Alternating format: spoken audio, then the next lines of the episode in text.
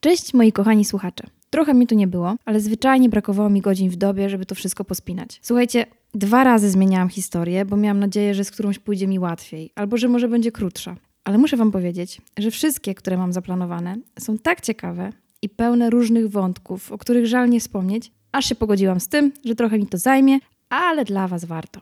Ten odcinek jest dla mnie wyjątkowy. Obecnie żyjemy w jakiejś surrealistycznej rzeczywistości, ale są w niej pewne osoby, którym należą się wielkie podziękowania i to jest cała służba zdrowia, która dzielnie walczy na froncie.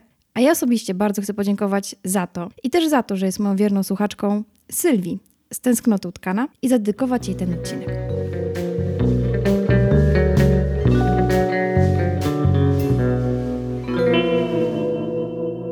Jest rok 1906. Wyobraźcie sobie, znajdujecie się wśród winnic nad węgierskim jeziorem Balaton. Tu, w pięknym domu z białego piaskowca, przychodzi na świat nasz kolejny bohater. Syn austro-węgierskiego ambasadora i córki bankiera Elmir Dehori. No i właściwie już tu zaczyna się małe zafałszowanie rzeczywistości. Jest to wersja, którą Elmir przedstawił światu. A jak się okazuje, współczesne śledztwa pokazały, że Elmir to właściwie nazywał się Elemer Albert Hoffman. Urodził się dokładnie 14 kwietnia 1905 bądź 6 roku, pewnie jesteśmy tylko daty dziennej, ale jego rodzice byli Żydami z klasy średniej. Nie wiadomo, czym się zajmowała matka, a ojciec prowadził skład towarów, ale bez większego powodzenia. Nasz bohater dość szybko odczuł w sobie pragnienie zostania malarzem i podobno w 1922 roku, w wieku zaledwie 16 lat, poszedł na studia na Akademię Sztuk Pięknych w Budapeszcie. Twierdził, że było to możliwe dzięki koneksjom i pieniądzom ojca, a także wyjątkowym zdolnościom, jakie on sam wykazywał. Jak już wiemy, nie należał do rodziny arystokratycznej, więc to wszystko możemy poddać pod wątpliwość. Pewne było jednak to, że w kolejnych latach podjął także naukę w Monachium na Akademię Heimann. W 1926 roku wylądował w Paryżu, gdzie dostał pracę u jednego z najsławniejszych malarzy francuskich, Fernanda Legera. Dzięki niemu poznał wielu młodych malarzy w czasie wieczorów, które spędzali razem w okolicznych kawiarniach. Wśród ich towarzystwa przewinął się także Picasso i Matisse. Elmir miał jasno określony cel. Chciał zostać sławny, był bardzo pracowity, utalentowany i lubił malować. No, wszystkie cechy się zgadzały. Gdy miał zaledwie 26 lat, jedno z jego płócien przyjęto na ekspozycję, liczącą się na międzynarodowej arenie w salonie jesiennym. Jego dzieło wisiało obok prac samego Maurisa Vlameka, jednego z najwybitniejszych fowistów. Chory już wtedy wiedział, że w malarstwie, by do czegoś dojść, by zdobyć właśnie tę upragnioną sławę, nie wystarczyło mieć talentu czy umiejętności technicznych, bo jedno i drugie miał. Należało przede wszystkim mieć swój własny styl, wykreować coś, co wyróżniałoby go na tle innych. W tym okresie wybuchła głośna w całej Europie, znana już nam z pierwszego odcinka, afera z podrobieniem 30 obrazów Van Gogha przez Ottona Weckera. Jeśli nie posłuchaliście, to oczywiście zachęcam. Ta afera zostawiła na psychice naszego młodego bohatera, jak on to sam określił, głębokie i niezatarte ślady. Z samej sprawy nie będę już przytaczać ponownie, warto jednak wspomnieć, że na rozprawie Weckera był sam Elmir, który na proces przyjechał z kilkoma przyjaciółmi z Paryża. Siedział w tłumie ciekawskich, słuchał i myślał. I doszedł do pewnych wniosków. Między innymi stwierdził, że dobremu fałszerzowi, a za takiego Weckera wcale nie uważał, jest bardzo trudno udowodnić na 100% winę.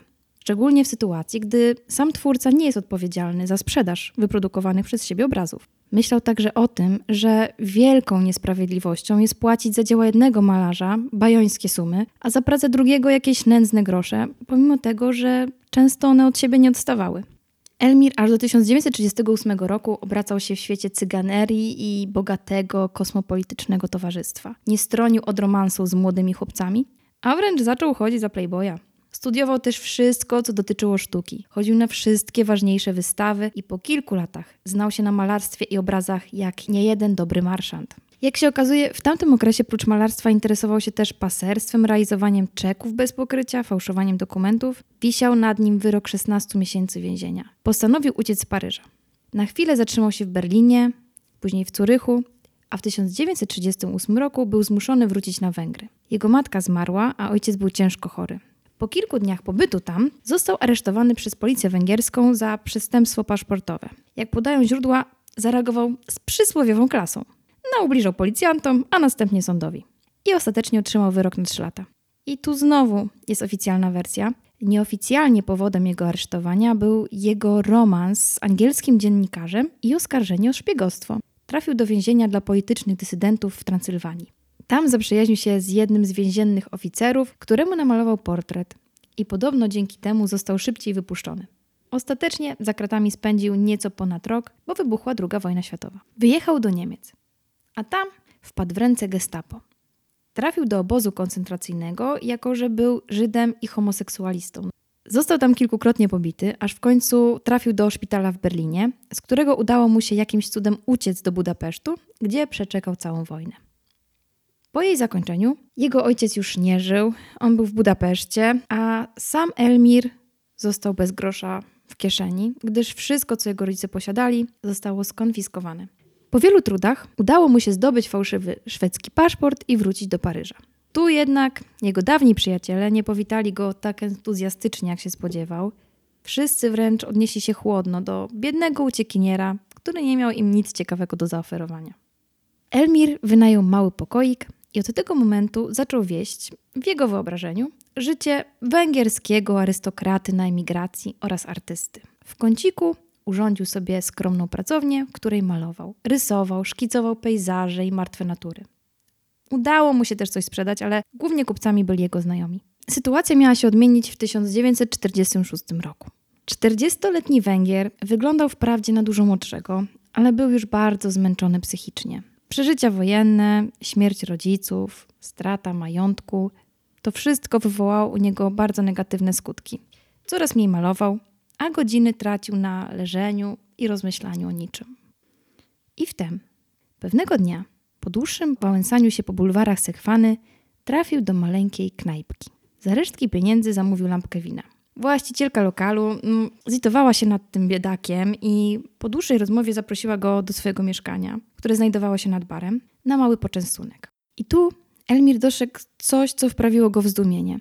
Jak to później opisał, na ścianie, skromnie z boku, wśród olejnych obrazów, wisiał malutki portret dziewczyny o smutnych oczach, długim nosie, jaskrawo kasztanowych włosach. Wszystko na tym płótnie było nienaturalnie wydłużone. Nie potrzebował on wiele czasu, by wiedzieć, że to dzieło nikogo innego, jak jego ukochanego Modiglianiego. Zaczął dopytywać kobietę, skąd ma tę pracę. I okazało się, że to portret przedstawiający samą właścicielkę baru.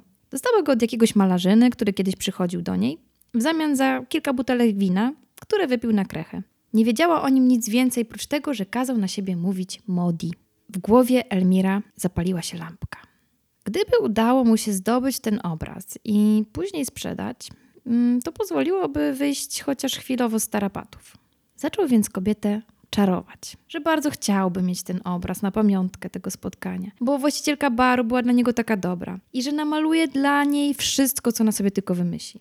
I okazało się, że haczyk został połknięty. Kobieta miała tylko jedno życzenie: by namalował na podstawie zdjęcia portret jej ukochanego, zmarłego męża.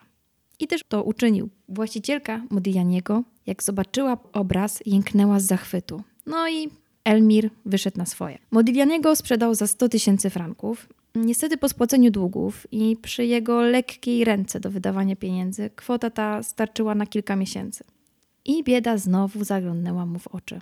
To wszystko ciągnęłoby się jeszcze jakiś czas pewnie, e, gdyby nie zwrot akcji, który, jak to często w życiu bywa, był wynikiem przypadku.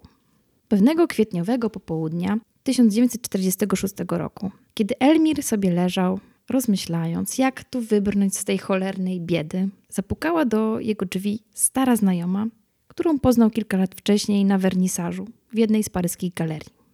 Była to angielska lady Malcolm Campbell. Ta dama podobno nie grzeszyła urodą, ale bardzo sowicie płaciła za spędzenie z nią nocy. No i chyba w takim celu pojawiła się u Horiego, chociaż oficjalnie twierdziła, że akurat była w okolicy. Pewnie przypadkiem. Elmir niestety nie miał czym jej poczęstować nawet i też sobie uświadomił, że jeśli ona zapłaci, to może z nią spędzić noc. Ale przyjdzie mu to oczywiście dość ciężko, bo po prostu nie gustował w kobietach. I gdy był już prawie gotowy do przystąpienia do akcji, Lady Campbell dostrzegła na jego ścianie rysunek, który zrobił on w chwili gniewu. To Picasso? spytała kobieta. Elmir trochę się zmieszał. Um, uważał, że tylko laik może pomylić ten obraz, ten Basgrow właściwie, yy, z modnym w tamtym czasie i co ważniejsze, bardzo drogim Picasso. Ale kobieta słynęła z tego, że od wielu lat obracała się w artystycznym środowisku, no więc postanowił grać w tę grę i sprawdzić, gdzie go to zaprowadzi. Lady Campbell stwierdziła, że zna pracę Pabla i że właśnie to jest bardzo charakterystyczne dla niego, że on często się nawet na nich nie podpisuje, bo tyle ich tworzy. No i co by on powiedział na to, by go sprzedać? Elmir zaskoczony stwierdził, no, że absolutnie nie może, no bo przecież on dostał ten obraz na pamiątkę od samego artysty. Ale kobieta była nieustępliwa i mimo że malarz miał jeszcze jakieś tam, powiedzmy, resztki sumienia, gdy zobaczył 40 funtów, które mu wręczyła, powieka mu nie drgnęła. Nie udało mi się znaleźć dokładnie kursu funtów w tamtych latach, ale jeszcze w latach 40 funt był po 25 zł, więc byłoby to gdzieś około 1000 zł na tamte czasy. Myślę, że całkiem spora kwota. Jakiś czas później Elmir spotkał się ponownie z Lady Campbell, która powiedziała mu skruszona, że niestety sprzedała rysunek, który od niego kupiła i jest mu winna pewne wyrównanie, bo marszant odkupił go za 150 funtów. I tak to naprawdę wszystko się zaczęło. Po tej wiadomości spędził on kilka następnych dni, nie wychodząc z domu. Przejrzał stare katalogi poświęcone Picasso, znalazł podniszczone kartony i zaczął rysować. A właściwie podrabiać pracę Picassa z okresu klasycznego. Wymyślił sobie historię, którą my już oczywiście znamy, że jest potomkiem węgierskich arystokratów i udało mu się ocalić kilka dzieł artysty i teraz w trudnej sytuacji po wojnie jest zmuszony je sprzedać. Tak przygotowany, następnego dnia poszedł do jednej z galerii w Paryżu. Ręce mu się trzęsły. Był spocony i przez chwilę nawet gotowy do odwrotu. Ale wiedział, że to jedyny sposób, żeby zarobić pieniądze, których wtedy tak bardzo potrzebował. Jak się okazało, poszło bardzo prosto i szybko. Marszant dał Elmirowi za trzy prace Picassa 200 tysięcy franków. To było gdzieś na tamte czasy około 70 tysięcy złotych.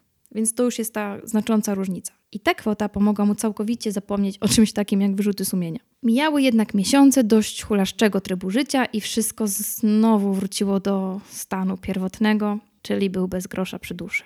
Jednego wieczoru zwierzył się swojemu przyjacielowi, Jacquesowi Chamberlainowi, że udało mu się sprzedać swoje falsyfikaty za całkiem niezłą kwotę. Po chwili namysłu obaj wpadli na pomysł, by wspólnie zawiązać spółkę. Jacques miał sprzedawać pracę jako pozostałości z kolekcji swego ojca, a Elmir tylko rysować. Zabrał się do pracy jak profesjonalista. Zwiedził wystawę dzieł Picassa. Przestudiował wszystkie możliwe książki. Wyszukał także zapas przedwojennego papieru rysunkowego o pożółkłych brzegach, by nadać pracom większej autentyczności. W ciągu tygodnia sporządził kilkanaście Picasso, które poszły jak woda. Umówili się z Chamberlainem, że Elmir bierze 60% zysku, a reszta jest dla jego marszanda. Nastały piękne dni. Razem ze swoim przyjacielem na fałszywym paszporcie zwiedzili całą Europę.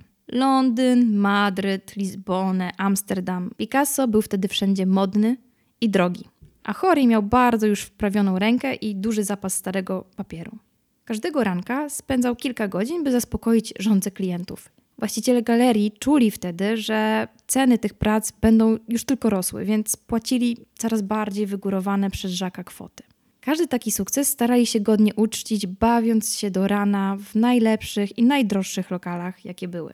I ta sielanka mogłaby trwać, gdyby nie to, że przyjaciel Elmira zaczął go okradać z zysku. Panowie rozeszli się w 1947 roku, a sam fałszerz wyjechał do Sztokholmu, gdzie sprzedał za 6 tysięcy dolarów, czyli to było około 30 tysięcy złotych w tamtym okresie, pięć prac Picassa. Zaopatrzony w znaczną ilość gotówki, zaczął zastanawiać się nad swoją przyszłością. Przekroczył czterdziestkę. Stara i zniszczona wojną Europa, która nie poznała się na jego talencie, przestała już go cieszyć. Zaczął szukać miejsca, gdzie mógłby zacząć na nowo. No i tak padło na Rio de Janeiro. Miasto miało wiele zalet. Leżało wystarczająco daleko, było tam ciepło oraz zamieszkiwali je podobno weseli, życzliwi i bogaci ludzie. Został tam przyjęty z otwartymi ramionami. Szybko posypały się także zamówienia dla malarza, wykonał kilka portretów miejscowych osobistości, za które mu dobrze zapłacono. Ale nie tylko to, bo poszły także jego pejzaże i martwe natury, co było dla niego bardzo istotne. Szybko jednak się z tym wszystkim znudził. No, było chyba za łatwo. I w sierpniu 1947 roku, po otrzymaniu trzymiesięcznej wizy, wybrał się do Stanów, a dokładnie do Nowego Jorku. Wystarczył niecały miesiąc, by wkręcił się w tamtejszy wielki świat. Wydawał przyjęcia w swoim mieszkaniu przy 78 ulicy w dzielnicy wschodniej, na które przychodziły ówczesne gwiazdy, m.in. Zaza Gabor, amerykańska aktorka, pochodzenia węgierskiego zresztą, Anita Luz, pisarka i scenarzystka filmowa, Lana Turner, również aktorka, a także ówczesny kustosz Nowojorskiego Muzeum Sztuki Nowoczesnej. Dzięki swoim znajomościom zyskał niespodziewaną sławę i galeria Lilienfelda zaproponowała mu zorganizowanie wystawy. Była to jego życiowa szansa. Otwierają się przed nim drzwi do wielkiej sławy i pieniędzy. Elmir zabrał się ostro do pracy. Najbliższe dni nie spał i bardzo mało jadł. Mimo burzy śniegowej, wernisaż okazał się podobno sporym sukcesem towarzyskim, ale wielką, wielką finansową klapą. Ani malarz, ani galeria nic nie zarobili. I nie pocieszyło go nawet to, że razem z nim wystawiał sam Salvador Dali, który również nic nie sprzedał. I znowu, nawet tu, na drugim końcu świata dopadła go bieda.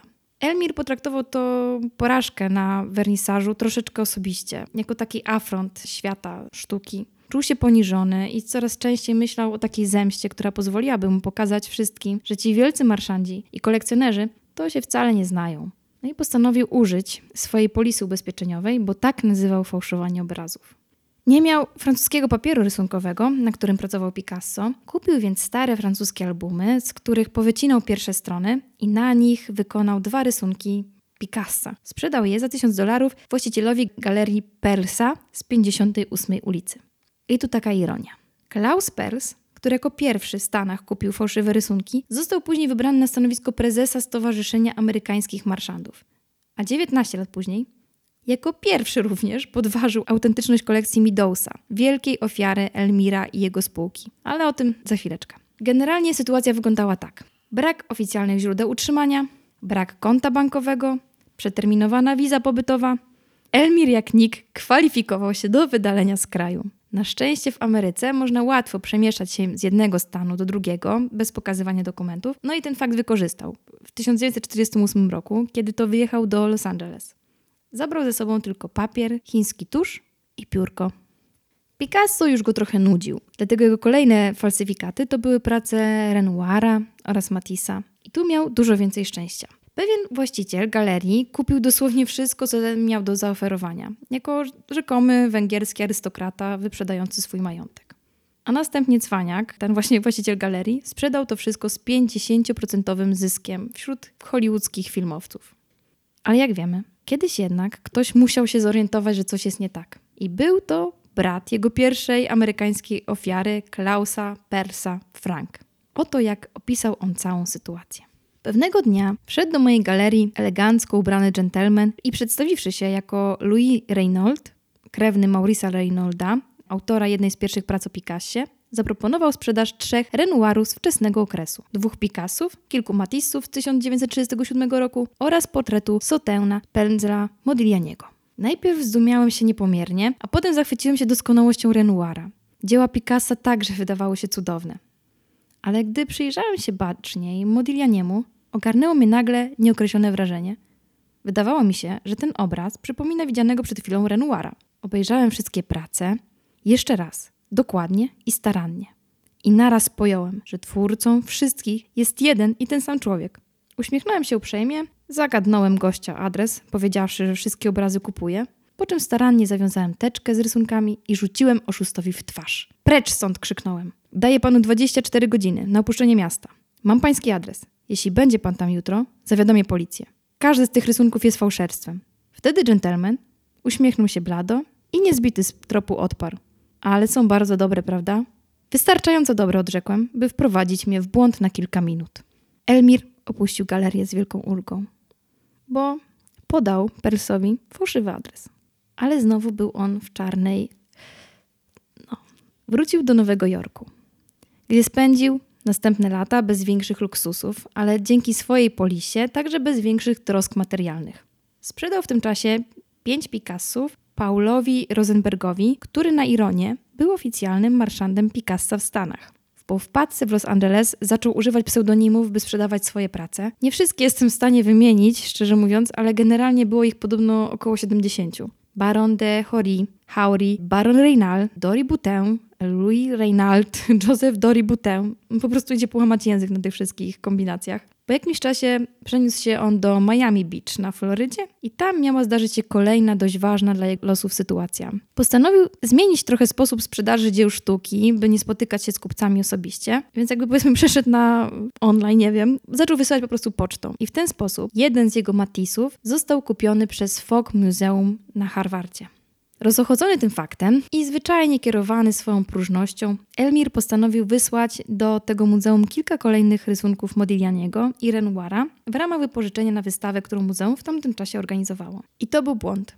Asystentka kustosza, ambitna Agnes Mongan, po obejrzeniu prac odesłała je do nadawcy wraz z listem, którym kwestionowała ich autentyczność. Hori nie odpisał na ten list, co później się na nim zemściło, bo powinien ukręcić sprawie głowę i mógł w tym momencie po prostu rozwiać wątpliwości. A to, że po prostu nie zareagował, dało kobiecie sporo do myślenia. I rozpoczęła na własną rękę wieloletnie śledztwo, które miało na celu udowodnienie także autentyczności zakupionego Matisa. Jednak materiał, który udało jej się tak skrupulatnie zgromadzić, był pełen sprzeczności. Jeden ekspert twierdził jedno, drugi drugie i nie pozwoliło to na to, by sprawą zajęła się policja.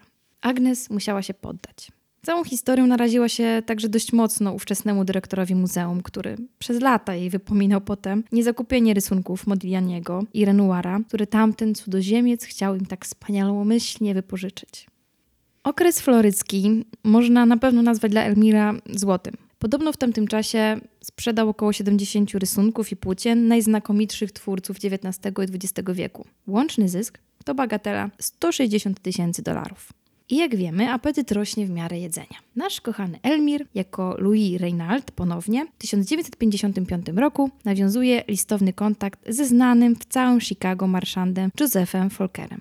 Sprzedał mu serię rysunków Modiglianiego i Matissa za 5300 dolarów, obraz olejny Matissa za 7000 i jeszcze jakiś tam obraz. Co ciekawe, za każdym razem te prace były poddawane badaniu autentyczności w Art Institute of Chicago ale w całym tym ferworze wysyłania popełnił jeden błąd. Wśród tych wszystkich prac, które trafiły do różnych galerii, z którymi nawiązał współpracę, znalazły się niechcący dwie reprodukcje Renoira, które wyciął ze starego albumu. Miał je przygotowane już pod tworzenie oryginałów. I to nie było najgorsze. Eksperci galerii Deliusa, bo właśnie akurat do niej trafiły te wycięte z tych albumów prace, oprawili te reprodukcje i wywiesili na wystawę. I kiedy ktoś w końcu się zorientował, doszło do wielkiej kompromitacji i unieważnienia całego wydarzenia oczywiście. Właściciel galerii zaczął wypisywać do Elmira listy z pogróżkami. Ta informacja trafiła również do Folkera, który wysłał zakupione prace do dawnego sekretarza Matisa, a ten poinformował, że są to ewidentnie falsyfikaty. Folker wniósł oskarżenie przeciwko Louisowi Reynaldowi, no i to spowodowało, że Elmir musiał w te pędy po prostu opuszczać Miami. Udał się do Meksyku, bo wydawało mu się, że to będzie takie bezpieczne schronienie przed sądem na chwilę obecną, no jakoś tam da radę. Tam został on wmieszany w morderstwo jakiegoś Brytyjczyka, którego jak uparcie twierdził nawet nie znał. Ale skorumpowana policja próbowała wymusić na nim zapłacenie dużej kwoty za wypuszczenie go z aresztu. Elmir wynajął więc prawnika, który jak się okazało również chciał od niego tego samego, czyli jak nie wiadomo o co chodzi, to chodzi o pieniądze. I w końcu udało mu się jakoś wykręcić z tej całej afery. Prawnikowi zapłacił jednym ze swoich obrazów i wrócił do Stanów. Tu wyszło coś, co przyprawiło go taki lekki bulwers. Okazało się bowiem, że te jego fałszywki, które sprzedawał do różnych galerii, zostały później odsprzedawane dalej po cenach nawet kilkukrotnie wyższych. Szacuje się, że obecnie ta kwota, za jaką poszły wszystkie prace, to wyszło gdzieś około 50 milionów dolarów. Niestety nie mógł on kontynuować dalej swojego biznesu, bo już FBI wzięło go na celownik i pod lupę. Był zmuszony do chwilowego wycofania się tak z życia społecznego i zacząć żyć po prostu poniżej poziomu, do którego się przyzwyczaił. Wynajął małe mieszkanko w Los Angeles i zaczął znowu malować, ale już jako on sam. Elmir de Hori. Niestety nie miał za dużego szczęścia, jeśli chodzi o nabywców. Często od handlarzy słyszał: Pan nie ma talentu, szkoda czasu i pieniędzy na te kicze. To nie są obrazy. Lepiej zająć się czymś innym. Był jednak jeden dekorator wnętrz, który cenił pracę naszego bohatera i któregoś dnia zaproponował Elmirowi, by ten namalował dla jego klientki serię różowych pudelków. Początkowo Elmir odrzucił tę ofertę, no bo duma jego nie pozwoliła mu na to ale jak wiemy, żadna praca nie hańbi, jeśli nie ma się pieniędzy, i ostatecznie to zlecenie pozwoliło mu przeżyć kilka kolejnych miesięcy. Życie go nie rozpieszczało. W 1959 roku próbował popełnić samobójstwo, przedawkowując tabletki nasenne. Uratował go i zapiekował się nim wtedy jego ówczesny przyjaciel, który bardzo mocno wpłynął na dalsze życie Elmira. Był to Fernand Legros.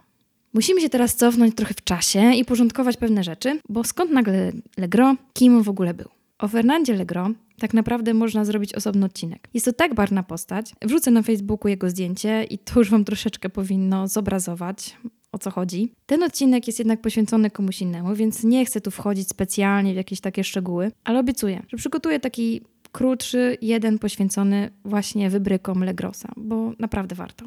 Tak na szybko powiem tylko, że poznał on Elmira w 1955 roku na jednym z przyjęć, które Hori zrobił po powrocie z Meksyku.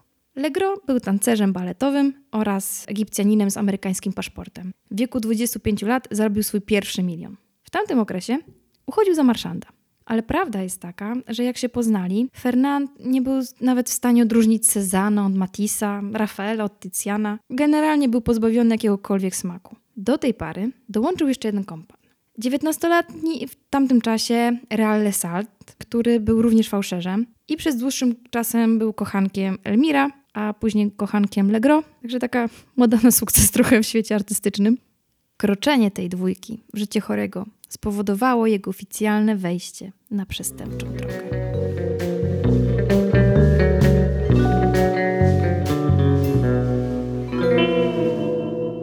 Legro, gdy usłyszał o tzw. Tak polisie ubezpieczeniowej malarza, szybko się przekonał, że mogą wejść w układ, którym Fernand bierze na siebie całe ryzyko sprzedaży, a dzielą się zyskiem początkowo 60 do 40 dla Elmira, ale oczywiście z biegiem czasu, jak wiemy, te proporcje się odwróciły.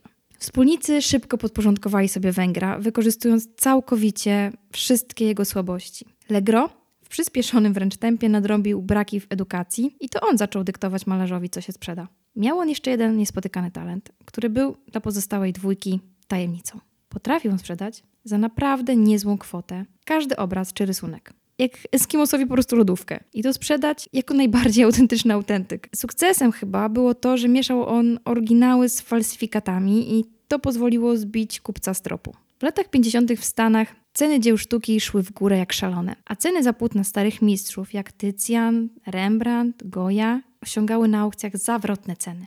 Ale nie tylko. Picasso szedł jak woda, po kilkadziesiąt tysięcy za rysunek i zapanowała także moda na Modiglianiego. Wszystko, w czym Elmir się specjalizował. Współpraca tej świętej trójcy początkowo była bardzo owocna, ale pewna sytuacja spowodowała, że zaufanie, którym darzył swoich wspólników Hori, bardzo mocno zostało nadwyrężone. Był rok 1959.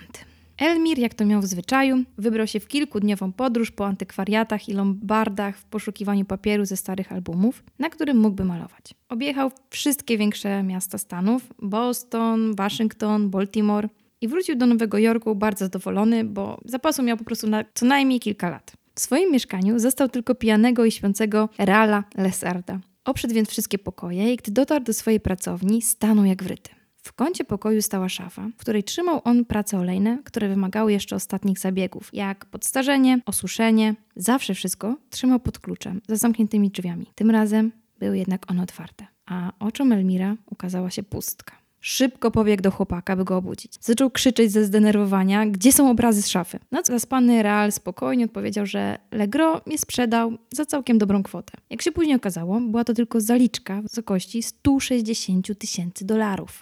Sprzedał je trzy dni temu jakiemuś handlarzowi i część z tej zarobionej kwoty to już w ogóle została dawno, krótko mówiąc, przez nich przepierniczona. Elmira oblał zimny pot. Wiedział, że jeśli te prace trafią do jakiegoś ogarniętego marszanda, oni są skończeni, po prostu. Jedyne co pozostało, to znaleźć handlarza, któremu Legro sprzedał te obrazy, odkupić je od niego. To by rozwiązało sprawę. Ale Fernand zapadł się pod ziemię. Znaleźli go po dwóch dniach u jakiejś prostytutki. Gdy dowiedział się o tym, że obrazy były jeszcze niewykończone, natychmiast odechciało mu się wszystkiego.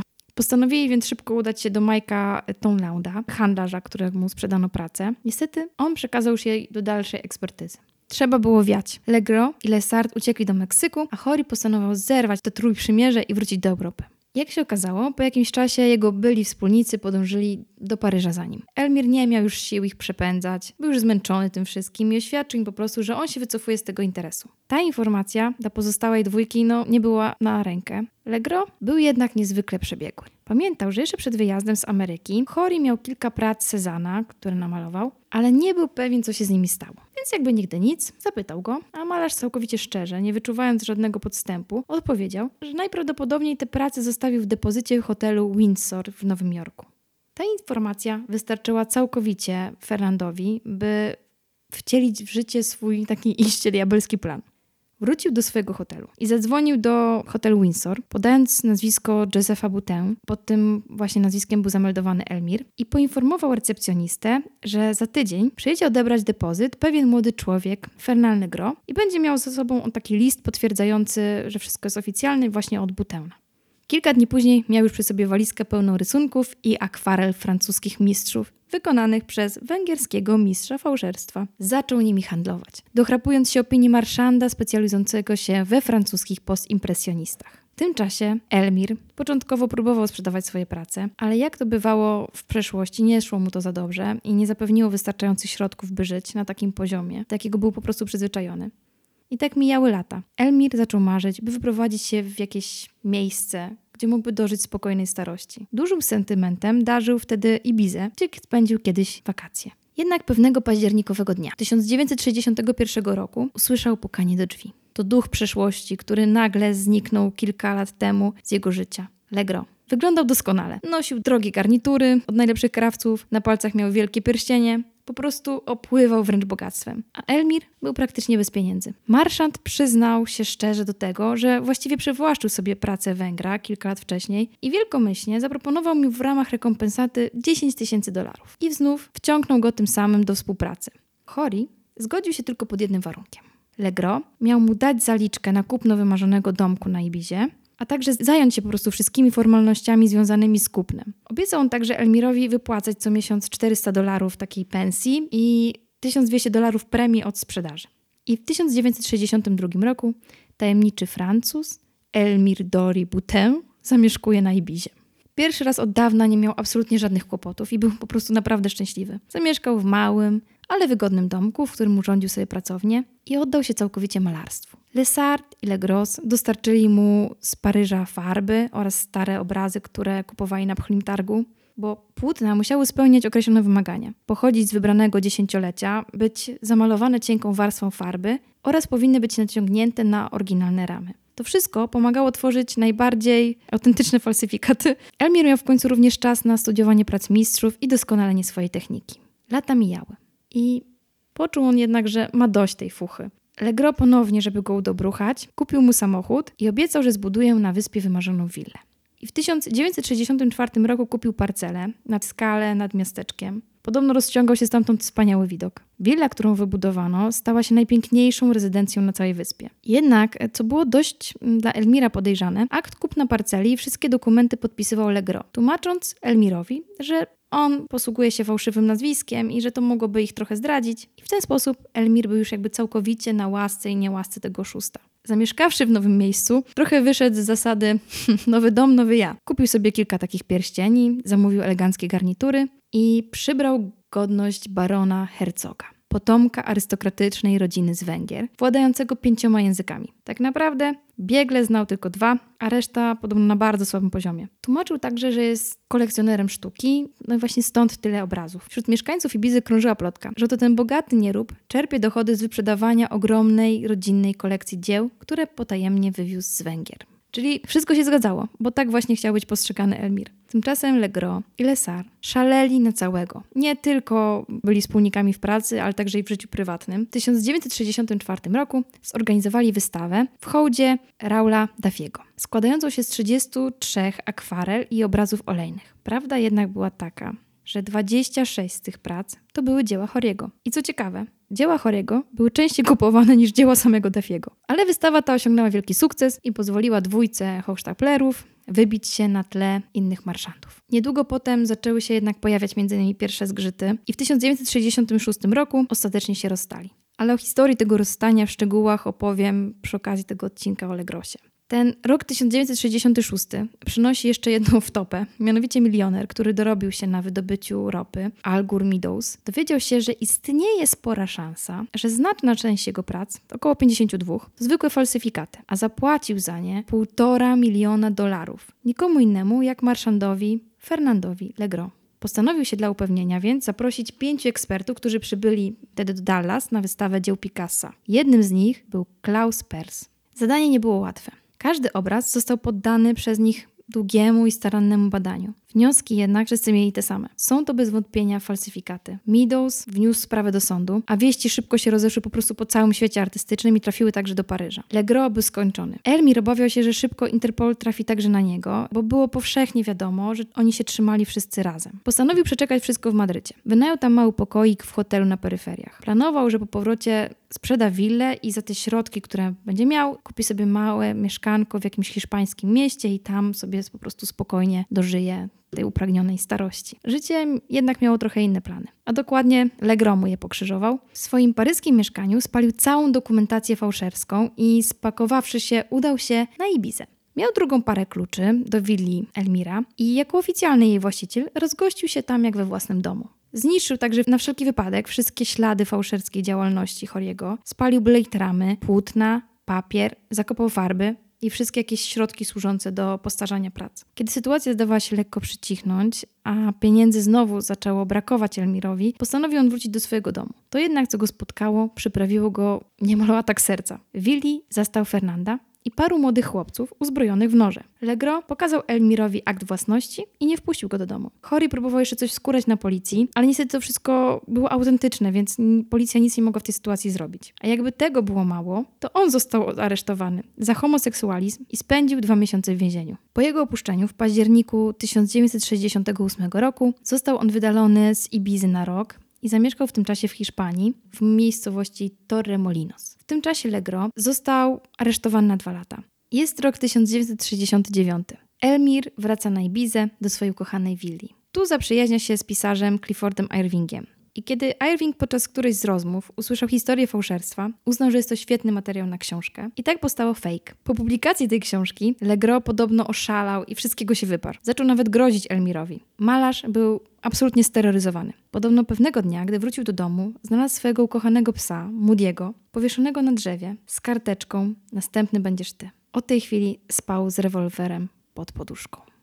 Paradoksalnie można pomyśleć, że Elmir ujawniając jak to szukał wielu sławnych aktorów, kolekcjonerów dzieł sztuki, cenionych marszandów, skazuje siebie na banicję. Ale po publikacji stał się on lokalnym celebrytą. Zaczął urządzać w siebie wieczorki, na których zjawili się aktorzy, dziennikarze, malarze. W tamtym czasie udzielił również wielu wywiadów. Niektóre można nawet obejrzeć na YouTubie, co serdecznie polecam. A Orson Welles w 1973 roku nakręcił film właśnie poświęcony jemu F for Fake. Wydawać by się mogło, że świat zapomniał o tym całym fałszerstwie. A Elmir w końcu był sławny, jako on sam. Zaczął nawet handlować swoimi pracami i to z sukcesem. Ale środowisko marszandów nie zapomina. Wniesiono kilka oskarżeń o fałszerstwo. W tamtym okresie nie było ekstradycji pomiędzy Hiszpanią a Francją, ale ostatecznie w 1976 roku rząd hiszpański zgodził się wydać Choriego Francji. Nie wiadomo, co było straszniejsze. Wizja więzienia, czy to, że dotarła do niego informacja, że Legro podobno zlecił jego morderstwo, jak on już tam trafi. 11 grudnia 1976 roku Elmir pożegnał się ze swoim wieloletnim partnerem i wielką miłością życia, Markiem Fogim, i poszedł do swojego pokoju,